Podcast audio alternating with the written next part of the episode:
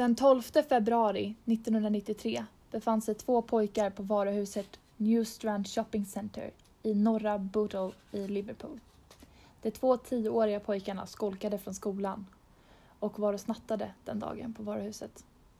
De snattade bland annat batterier, en docka och blå modellfärg. Namnet på pojkarna var John Venables och Robert Thompson.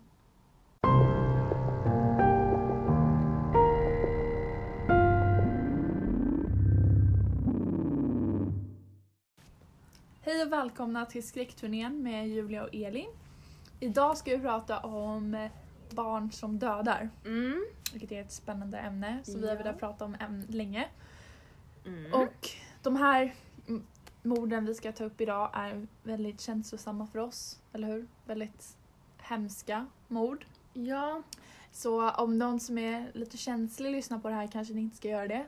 För Mm. vi kommer ta upp lite saker som handlar om barn och typ lite övergrepp och ja, väldigt nasty grejer helt enkelt. Så att Ja. är man lite känslig kanske man inte ska lyssna på det här. Men ska vi ta upp det första här då? Det som jag berättade här i början, det är lite information om mordet på James Patrick Bulger eh, från England, alltså Liverpool, England. Och det här mordet skedde rum den 12 februari 1993. Som jag sa i början på varuhuset New Strand Shopping Center i norra Bootle i Liverpool. Eh, tvååriga James Patrick Bulger var i shoppingcentret med sin mamma. Och hans mamma gick in i schakteravdelningen för att gå och handla lite kött eller vad hon nu skulle köpa där. Och läm- tog, alltså släppte hans hand i en liten stund. Och sen när hon vände sig om så såg hon att han inte var där längre. Han var borta. Och eh, det var så att han blev bortrövad av de här två pojkarna. John Venables och Robert Thompson. Alltså de var hela åtta år äldre än honom. Mm. De tog honom och vandrade bort lite. Och de gick på en fyra kilometers lång promenad. Och när de kom till Leeds eh, och Liverpools kanal så släppte de James ner i vattnet. så att Han fick skador i ansiktet. Och på, på grund av de här skadorna så blev han väldigt upprörd. Han grät och han var, han var ledsen. Mm, och det, klart. folk såg ju att han var ledsen. Mm. Men när folk frågade liksom dem, "Ja, men, vad är, är det okej med honom, mår han bra? Då sa de bara, "Men det är, min, det är vår lillebror. Vi ska ta honom till polisen eller vi ska ta, gå hem med honom eller något sånt där. Så de liksom de pratade bort det helt enkelt.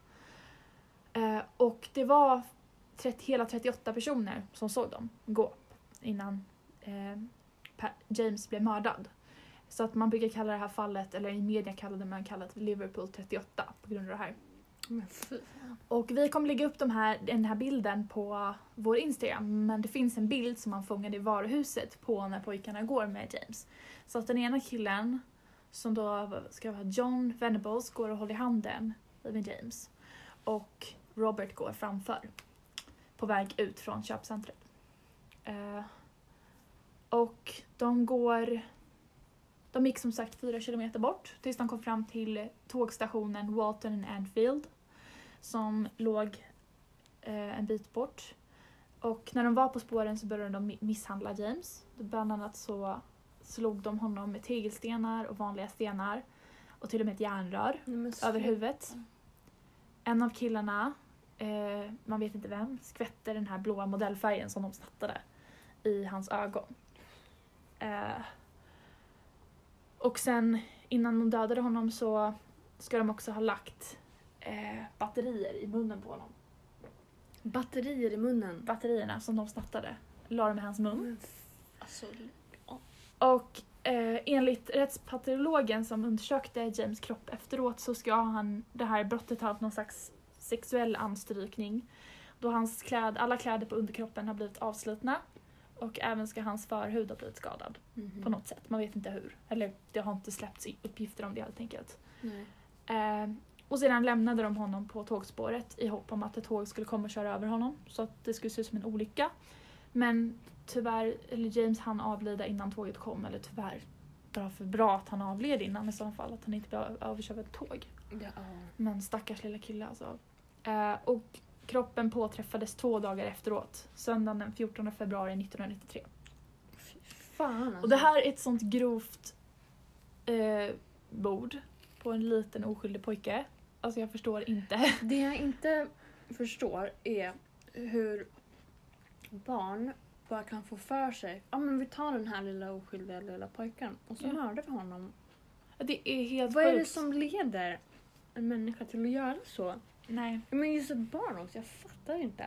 Ja, alltså det, det är så sjukt. Den här lilla pojken var så söt. Inte Mm. för att det har att göra någonting med hur söt barnet är.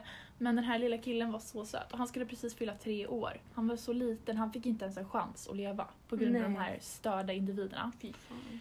Och i alla fall efter det här. Så de här var de yngsta mördarna någonsin att bli fällda i engelsk historia. Eller de, alltså de man kände till. Av alla mördare så var de yngsta. Mm. Tio år gamla bara. Båda pojkarna blev i alla fall dömda till ungdomsanstalt. Eh, tills de båda släpptes vid 18 års ålder 2001. Och sedan dess har deras identiteter blivit skyddade på grund av att mycket hat har riktats mot dem. Rättfärdigat. Eh, John, Ven- John Venables i alla fall under sin skyddade eh, identitet har i alla fall blivit arresterad igen. På grund av misshandel, narkotikainnehav, alltså kokaininnehav. Eh, och 2018, 25 år efter mordet på James, så blev han skickad till fängelse för innehav av barnpornografi. Men alltså, det känns ju väldigt logiskt. Ja. Det, alltså, det finns ju mycket kontroversiell, i- alltså speciellt i det andra fallet som jag ska ta upp sen. Men när de pratar om att kan barnen verkligen hållas skyldiga för de här morden på grund av att de är så unga? Mm. Men jag tänker så här att kan man göra såna sjuka saker när man är så ung så kan man göra det som vuxen också. Definitivt. För det är ju då man är så oskyldigast, när man är Mm. barn. Mm. Kan man begå såna här hemska grejer när man är så liten då tror jag inte att man kommer bli bättre. Nej. Speciellt också den här killen har blivit väldigt skyddad. Mm. Alltså han är ju... Folk har inte vetat var han sitter, vem han är egentligen. Så att, och att han då ska liksom under skyddad identitet ha gått ur såna här grejer igen.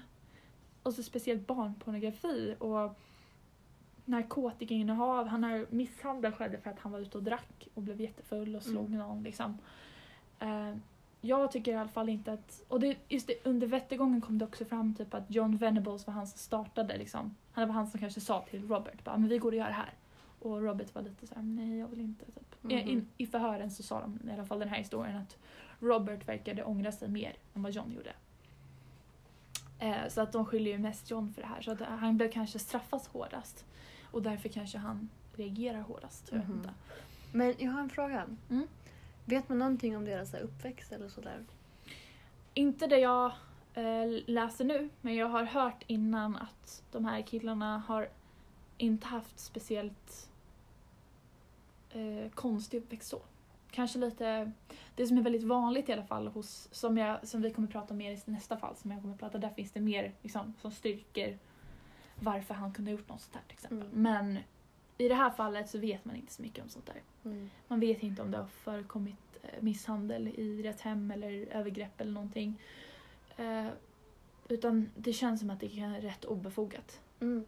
Okej. egentligen. Så att, och det är det, såna här mord, alltså det är, oftast är det ju kanske någonting som är lite fel i huvudet på människor som gör såna här saker.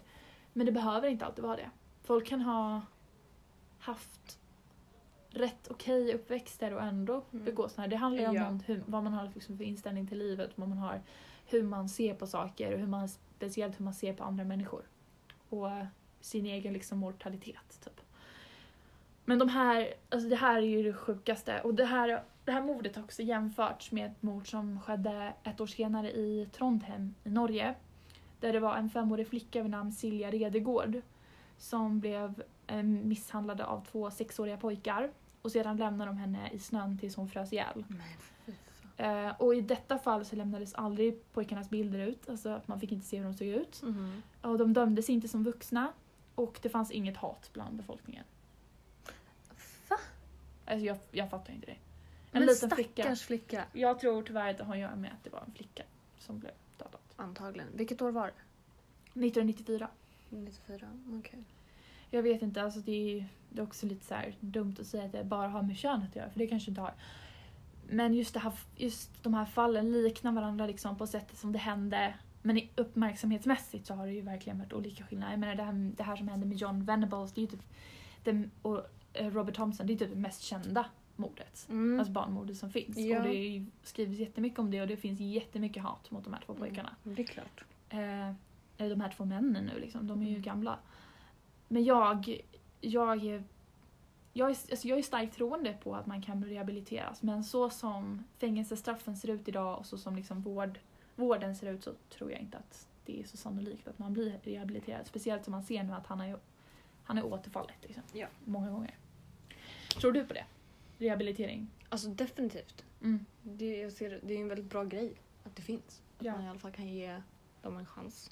Ja, ja men det, absolut. absolut. Mm. Alltså, vi ska ju inte ta det för givet liksom, men jag vet inte, jag har, jag har läst mycket så om som handlar om att folk att det är jättemånga procent, en stor procent av folk som har gjort såna här våldsbrott återfaller efter Mm. att de har blivit släppta. Dels för att de stöter på mycket våld i fängelset, för att det finns otroligt mycket våld där. Ja. Det är hierarkier, det är liksom eh, det finns övergrepp in, på fängelserna, vakter som gör övergrepp på fångar, fångar som gör övergrepp på fångar. Mm. Speciellt eftersom att det är så mycket män, Mm. män som begår våldsbrott. Alltså grejer. man kan ju tycka så här, det är rätt åt dem.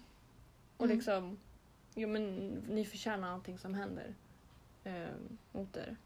Eh, men samtidigt, det är ju en väldigt dålig miljö att vara på om man liksom ska, om man ska sträva efter att den här fången då ska bli bättre och kunna komma ut i samhället igen.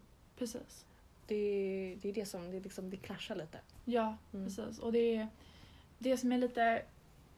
Alltså med såna här typer av brott, när man har verkligen begått hemska mord, då tycker jag att rehabiliteringen... Eh, då skiter jag lite faktiskt i vad som händer med dem. För att Mm. jag tycker har man gått så långt att man dödar en annan människa då kan man, brinna, då kan man brinna i helvetet tycker men jag. Det tycker jag med. Men det finns ju faktiskt folk som har begått små, mindre brott Mm. som skickas till någon slags anstalt där det finns mycket brottsfångar som har begått våldsbrott, övergrepp, eh, våldtäkter och sånt där. Och därför blir sämre. De rehabiliteras inte Nej. för att de hamnar med folk som har begått värre brott som Precis. påverkar dem. Ja. Och sen kanske de fastnar, det finns mycket droger i fängelset till exempel, de kanske fastnar i drogmissbruk och åker in igen för narkotikabrott.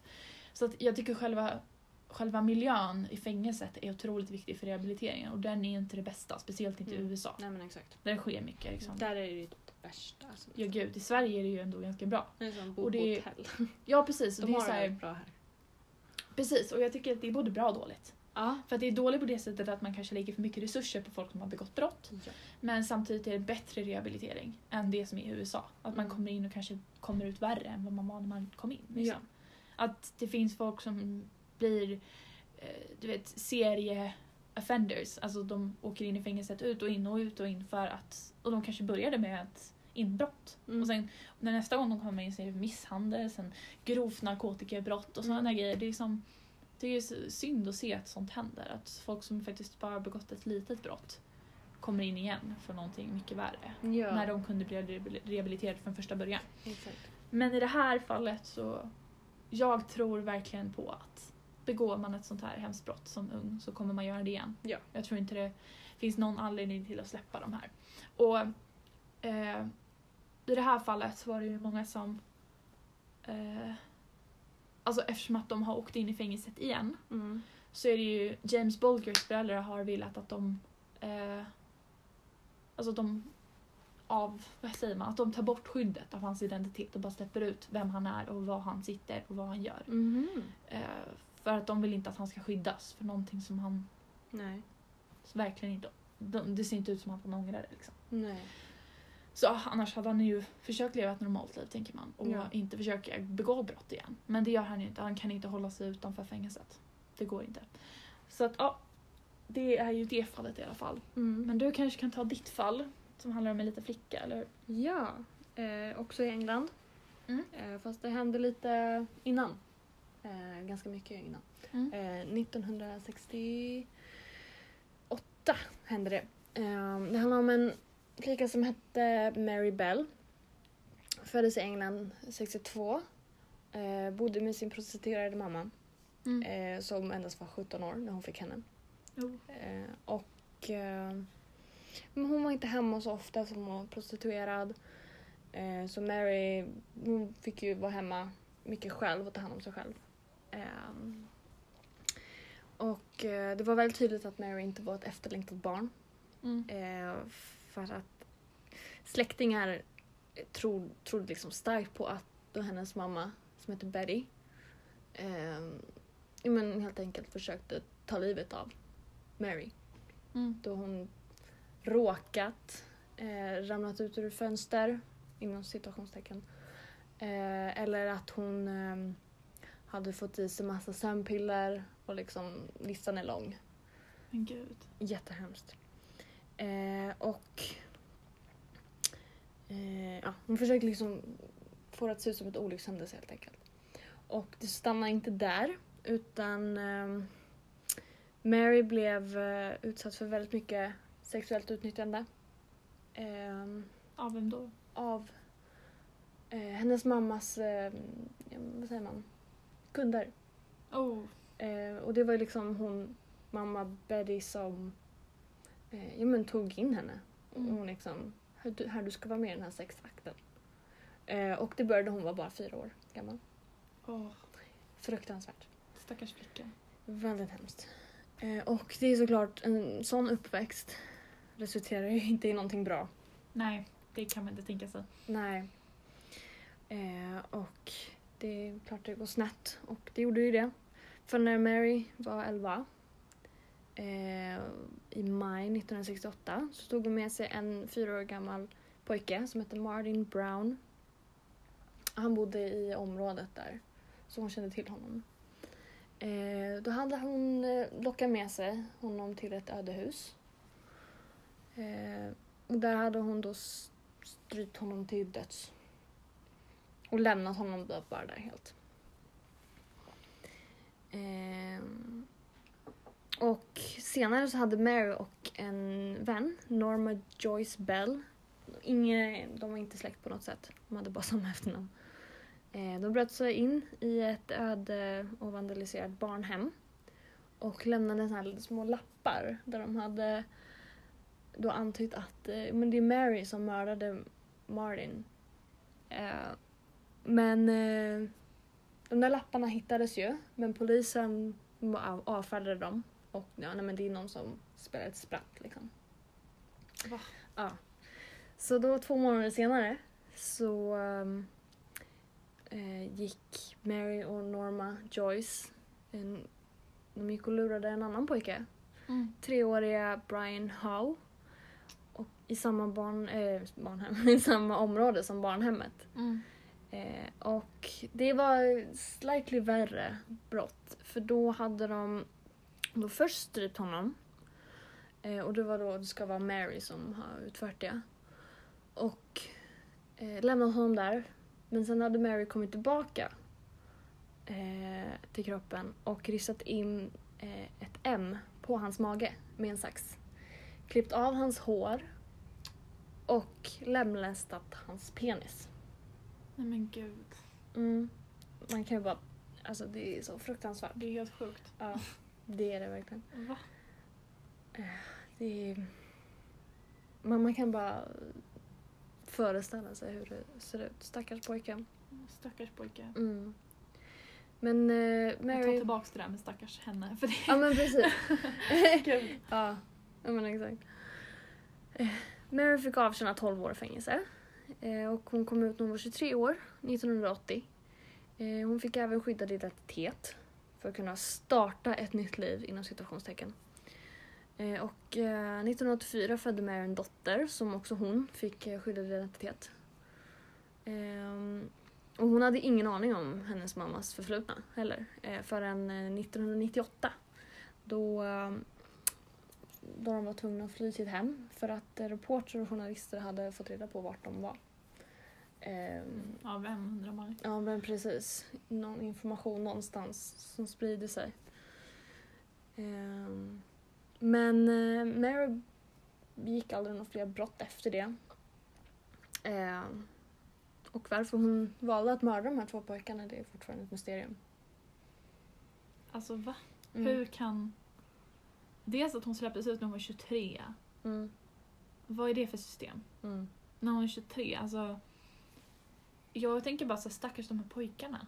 Ja. De liksom, deras liv förstördes. De blev de blev inte ens, ingen av dem blev ens fy, liksom, fem år gamla. Liksom. De fick inte ens starta sitt liv. Och hon får starta sitt liv. Precis. Och det är exakt det eh, mamman till en av de här pojkarna sa i en dokumentär som jag såg för ett tag sedan. Det var precis det, att det är orättvist att hon får en chans att liksom ha ett nytt liv. För det hon har gjort mot hennes pojke Ja, det, är, liksom. det är helt sinnessjukt. Ja. Alltså, det är det jag tycker med såna där typer av händelser, speciellt när det är barn inblandat. Mm.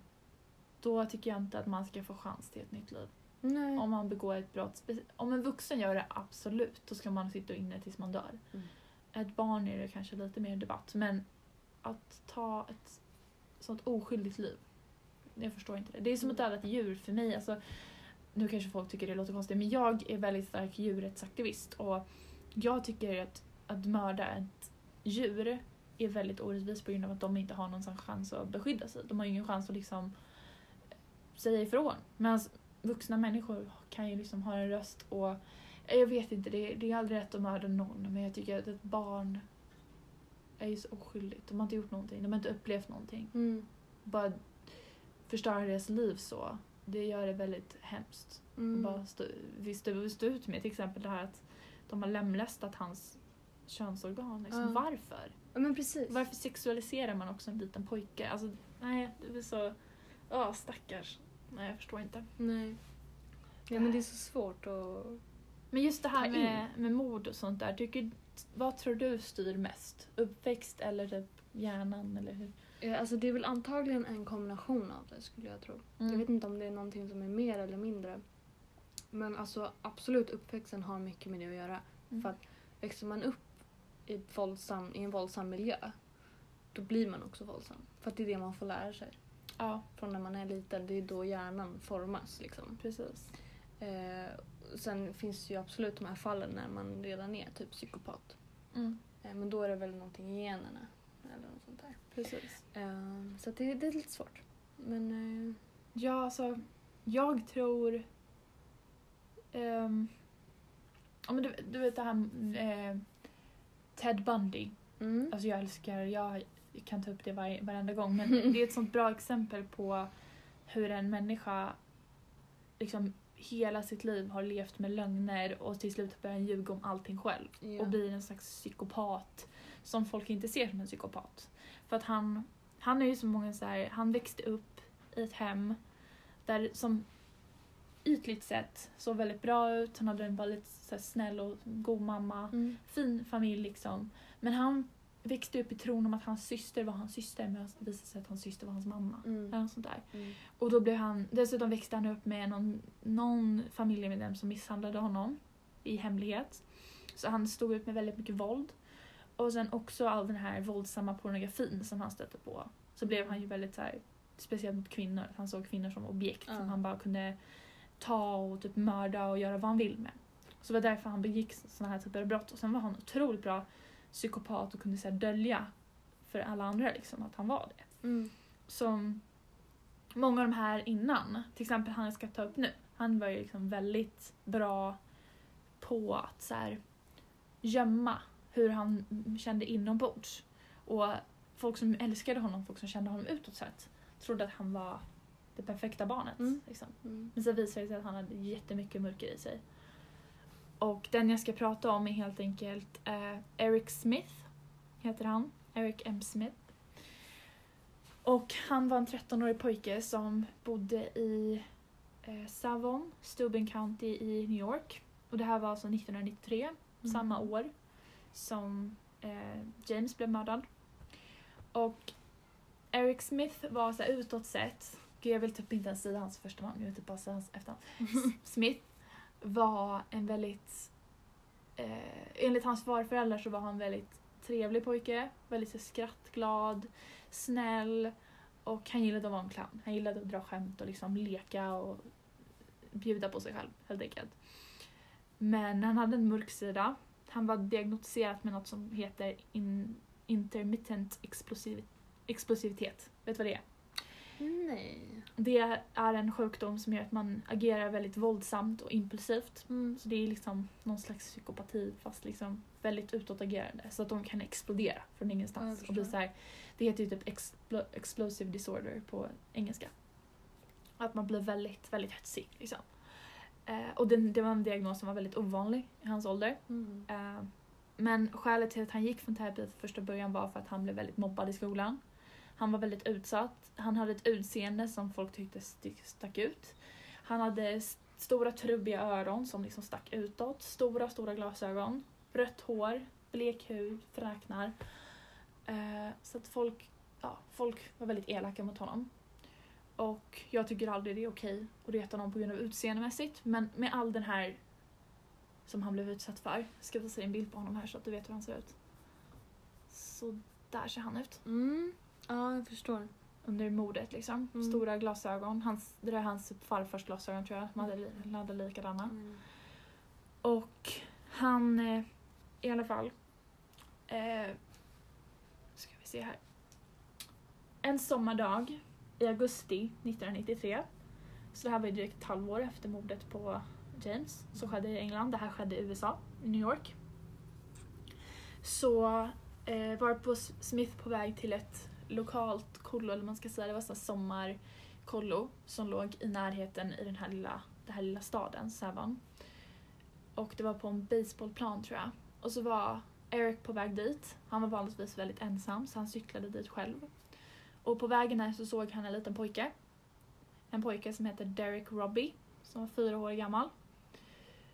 Och han så, alltså, direkt när han såg den här killen så tänkte han jag ska döda honom. Jag måste döda honom. Så han lockade in Derek i, ett skogs, i en skogsvrå och ströp honom. Först ströp han honom, sen slog han honom flera gånger i huvudet med en stor sten. Så att han fick så stora, stora sår i huvudet, alltså in i hjärnan. Sen tog han Dereks matlåda, hällde ut Coliden över honom och tog bananen och smashade i hans huvud, liksom, i hans sår. Eh, så jävla sjukt. Och tänkte han hällde liksom Coliden rakt i såren på, på stackars Derek. Och eh, dessutom, han tog in, det tog inte slut där utan han våldtog också Derek med en gren. Gud. Eh, så att ah, det, här är så sjukt. Alltså jag skrattar verkligen inte. Jag är bara så här, det här är så sinnessjukt. Man Svårt blir mållös. Man blir mållös att någon vill göra så här med. Alltså du, kolla liksom på Derek också. Här är lilla Derek. Vi lägger upp de här bilderna som på Instagram. Men här är Derek. Åh gud. Så det var söt han var. En blondhårig liten blåögd kille som var jättekort och han var av sin familj beskriven som väldigt så här atletisk. Han älskade att springa och spela, spela baseball och sådana där grejer. Han älskade att vara ute och gå med sin mamma. Mm. Just den här dagen då, eh, den 2 augusti 1993, så skulle Derek gå till samma läger som Eric skulle till. Och vanligtvis så släppte aldrig Dereks mamma iväg honom utan att se vad han var. Hon, hon var alltid med honom. Hon Mm. var alltid med honom. Men just den här morgonen så var hon väldigt upptagen och då sa Derek så här, men mamma jag kan gå själv. Det är bara ett kvarter. Alltså det var på riktigt mindre än 100 meter från hemmet där det här, liksom, där det här skedde. Så efter fem minuter från att han lämnade dörren så var han död. Ehm, så han... eh, och dödsorsaken på Derek var att han har blivit liksom, trauma mot huvudet Mm. och att han eh, kvävdes ihjäl. Av strypningen antagligen. Gud, jag mår så dåligt. Jag mår jättedåligt av det här också. Stackars Derek. Ehm, men eh, i alla fall, det tog ett tag innan man fick reda på vem som hade gjort det. För att man hittade kroppen som sagt eh, bara, en, bara någon timme efter att det hade hänt. Liksom. För att det hände det liksom var att eh, Dereks mamma gick för att hämta honom men kolloledaren sa liksom han har, han har inte kommit hit. Han är inte här. Liksom. Och då började de leta efter honom och sen så bara några meter bort från kollot så hittade de hans kropp i skogs, skogsdungen. Um, och sen så försökte de ju leta efter någon som skulle ha gjort det här. Och de tänkte ju så här, med, med det här som har hänt så måste det vara någon man. Mhm. Eller någon vuxen människa som har någon slags perversion. Mhm. Så de letade. eh, och då fick de upp ögonen för den här lilla killen, Eric. för att han sa att han hade varit där. Han såg, han hade sett Derek på morgonen. Så de pratade med honom. Och då hade de ingen aning om att det skulle kunna vara han, han honom som har gjort det. Så de pratade med honom. Och till slut så får de reda på av hans mamma att han har erkänt. Han har sagt till sin mamma, ja, jag gjorde det här. Och han, Mhm. han skämdes tydligen. Så pratar de med honom och så får de reda på alla detaljer om hur det hände. Och då har de ju fått reda på om allt det här om Eric, att han var väldigt explosiv, impulsiv. Och att han hade blivit mobbad så han var ju väldigt liksom isolerad. Och det var ju liksom allt som behövdes för att det här skulle kunna hända. För att han blev, han hade en impulsivitet och han bestämde sig för att jag måste ta ut min ilska på någon. Och då blev det lilla Derek tyvärr. Mm. Uh, Fel plats, fel tillfälle. Vad sa du? Fel plats på fel tillfälle. Exakt. Det är det. Hade, hade inte stackars Derek varit där Mm. själv så hade det kanske inte hänt. Nej. Men i alla fall, det som hände med Eric var att han blev dömd till nio år till livstid, vilket var det högsta straffet som man kunde ge till någon under Mhm. 15 års ålder i USA vid den här tiden. Eh, och han sitter fortfarande i fängelse nu. Han har blivit nekad frigivning nio gånger sedan Mm. 2002. Och senaste gången var 2018 och nästa gång kommer vara 2020 som han Mhm. kommer få. Så nästa år. Precis. Eh, och såklart Dereks mamma vill ju verkligen inte att han ska bli släppt. De vill verkligen inte att han ska få vara, de vill att han ska ruttna Det för det han har gjort. Mm. Eh, och det förstår jag. Och jag kollade på den här dokumentären och då får man också se en, en liten snutt med Dereks storebrorsa, eller lillebrorsa, tror jag. Lillebrorsa. Som aldrig fick träffa Derek. Som liksom sa det att jag vill Mm. verkligen att den här killen kommer ut för att han har dödat min enda chans att få en brorsa. Det är, liksom, det är inte okej. Men i alla fall, Eric eh, han jobbar för att bli fri. För att han säger att han har blivit rehabiliterad, han förstår att han har gjort fel, han ångrar det här säger han. Och han skrev också ett förlåtelsebrev till Dereks familj som han fick läsa upp i TV. Mm. Och då, skrev han, eller då hade han skrivit så här.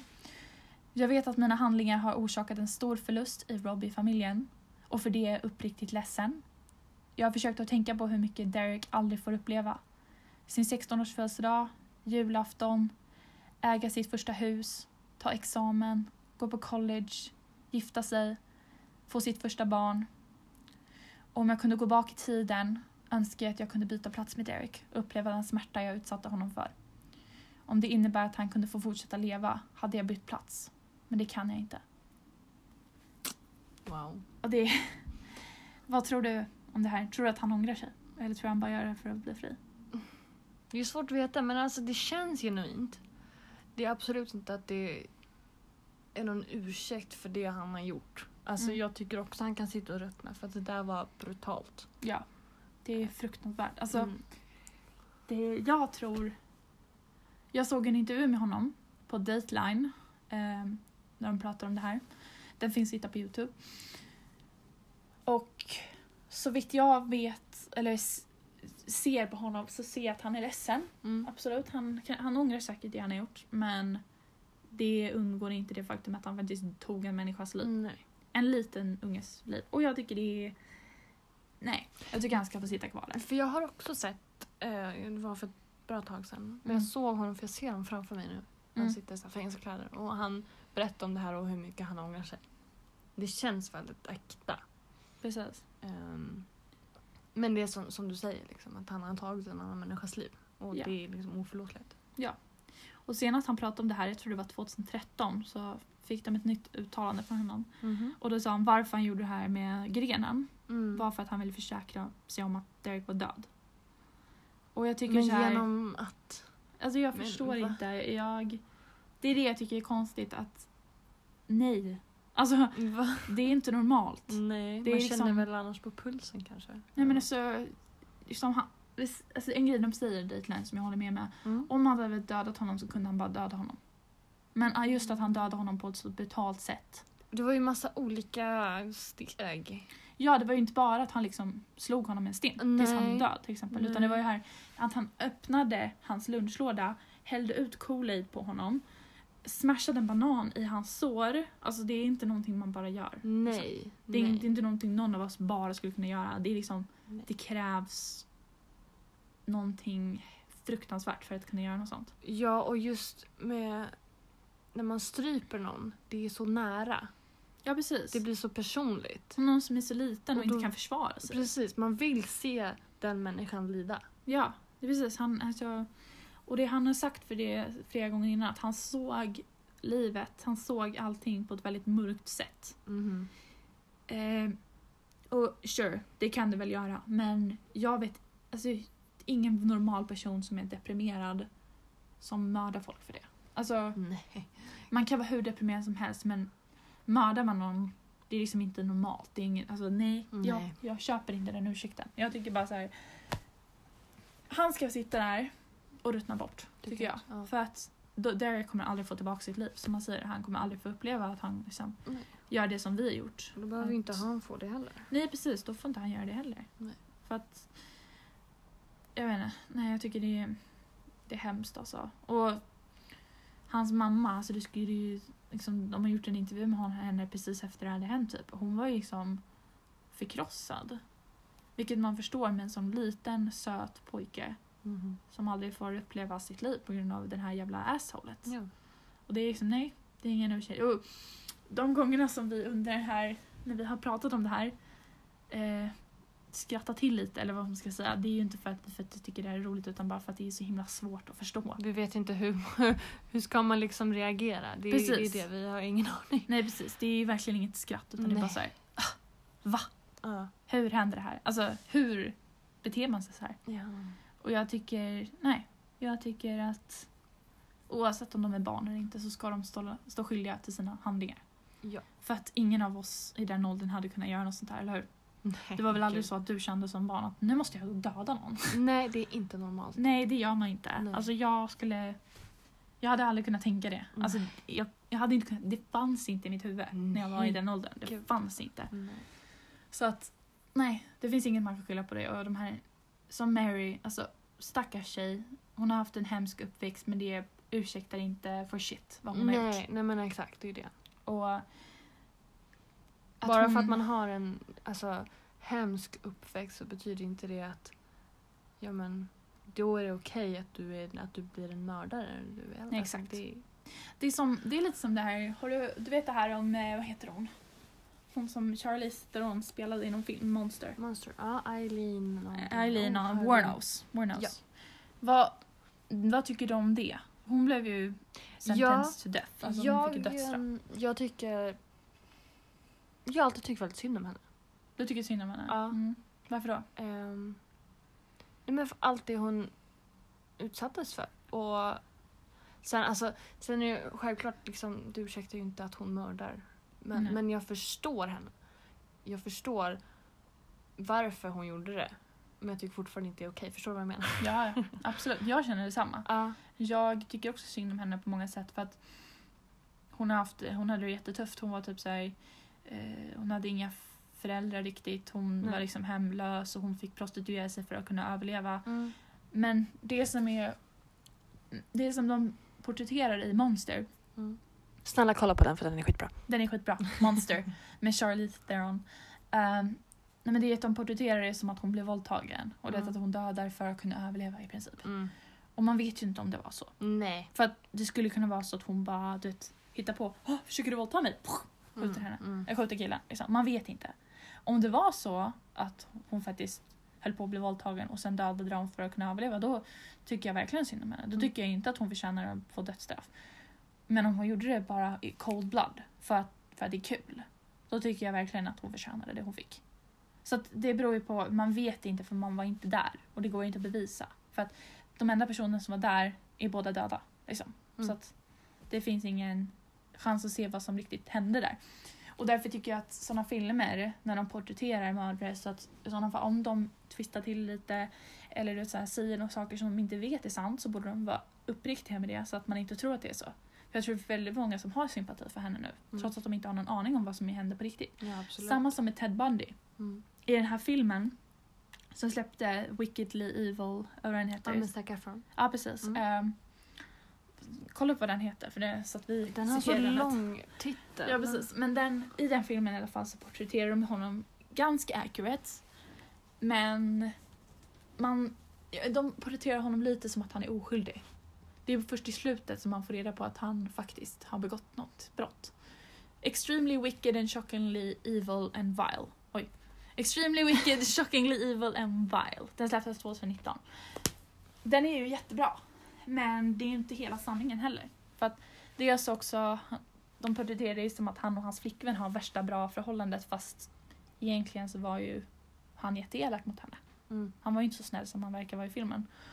Så att det är för många detaljer där som man inte ska tro på. Jag tänker den unga generationen som inte vet vem Ted Bundy är kanske tror på hela den där storyn och bara oj, Ted Bundy han verkade ju helt okej. Jaha. Fast han var ju helt sjuk i huvudet. Mm, ja, ja, monster. Så att samma sak som med ehm, Eileen Warnos. Mm. Hon kanske inte var så snäll som man tror i den filmen. Hon kanske inte alls hade det, eh, samma känslor eller samma typ av... Eller samma saker som hände i filmen kanske inte hände på riktigt. Så att det är det man måste tänka på när man gör så här Absolut. sådana typer av eh, versioner. Att det faktiskt eh, händer andra saker i verkligheten. Liksom. Så jag hörde att det ska komma någon film om James Bulger. Och de, Ah. det här är ju Eileen Life and Death of a Serial Killer. Precis, det finns ju filmer och böcker. Precis. ehm, som jag tror hon är författare till någon bok där. Hon kanske är medförfattare. Ja men precis. Mm. Eh, om jag inte minns fel. Ehm, så det, det är ju det jag känner liksom. Mm, alltså eftersom det är väl som en självbiografi då. Ja, Hon förklarar från, från sitt point of view. precis. Men det är ju också grejen att även fast i hennes perspektiv så kan hon ju twista till saker. Precis. För hon Eh, verkar ju inte vara helt frisk i huvudet. Nej ändå. man är ju inte frisk om man kan man mörda en person. Det, Nej. eller flera. Nej precis, Så- även om man gjort det i självförsvar så har man ju skuldkänslor. Ja men Tänker självklart. Liksom, för att Ja. man ändå har mördat en annan människa. Så Ja. även om den människan var hemsk så måste man ändå ha lite skuldkänslor Mm. tänker jag. Om man är en normal person. Men då är det så här, då måste man väl tänka lite som alla mördare. Mm. Som, som, som liksom, det- ja men man, man kan ju inte tro på filmerna. För att det kan man ju inte. Liksom. Nej. De kan ju försköna hur mycket som helst. Exakt. Ehm, Och man kan inte tro på dem riktigt heller. För att det finns många som ljuger och twistar till Precis. historier och allt möjligt. Jag menar, mm.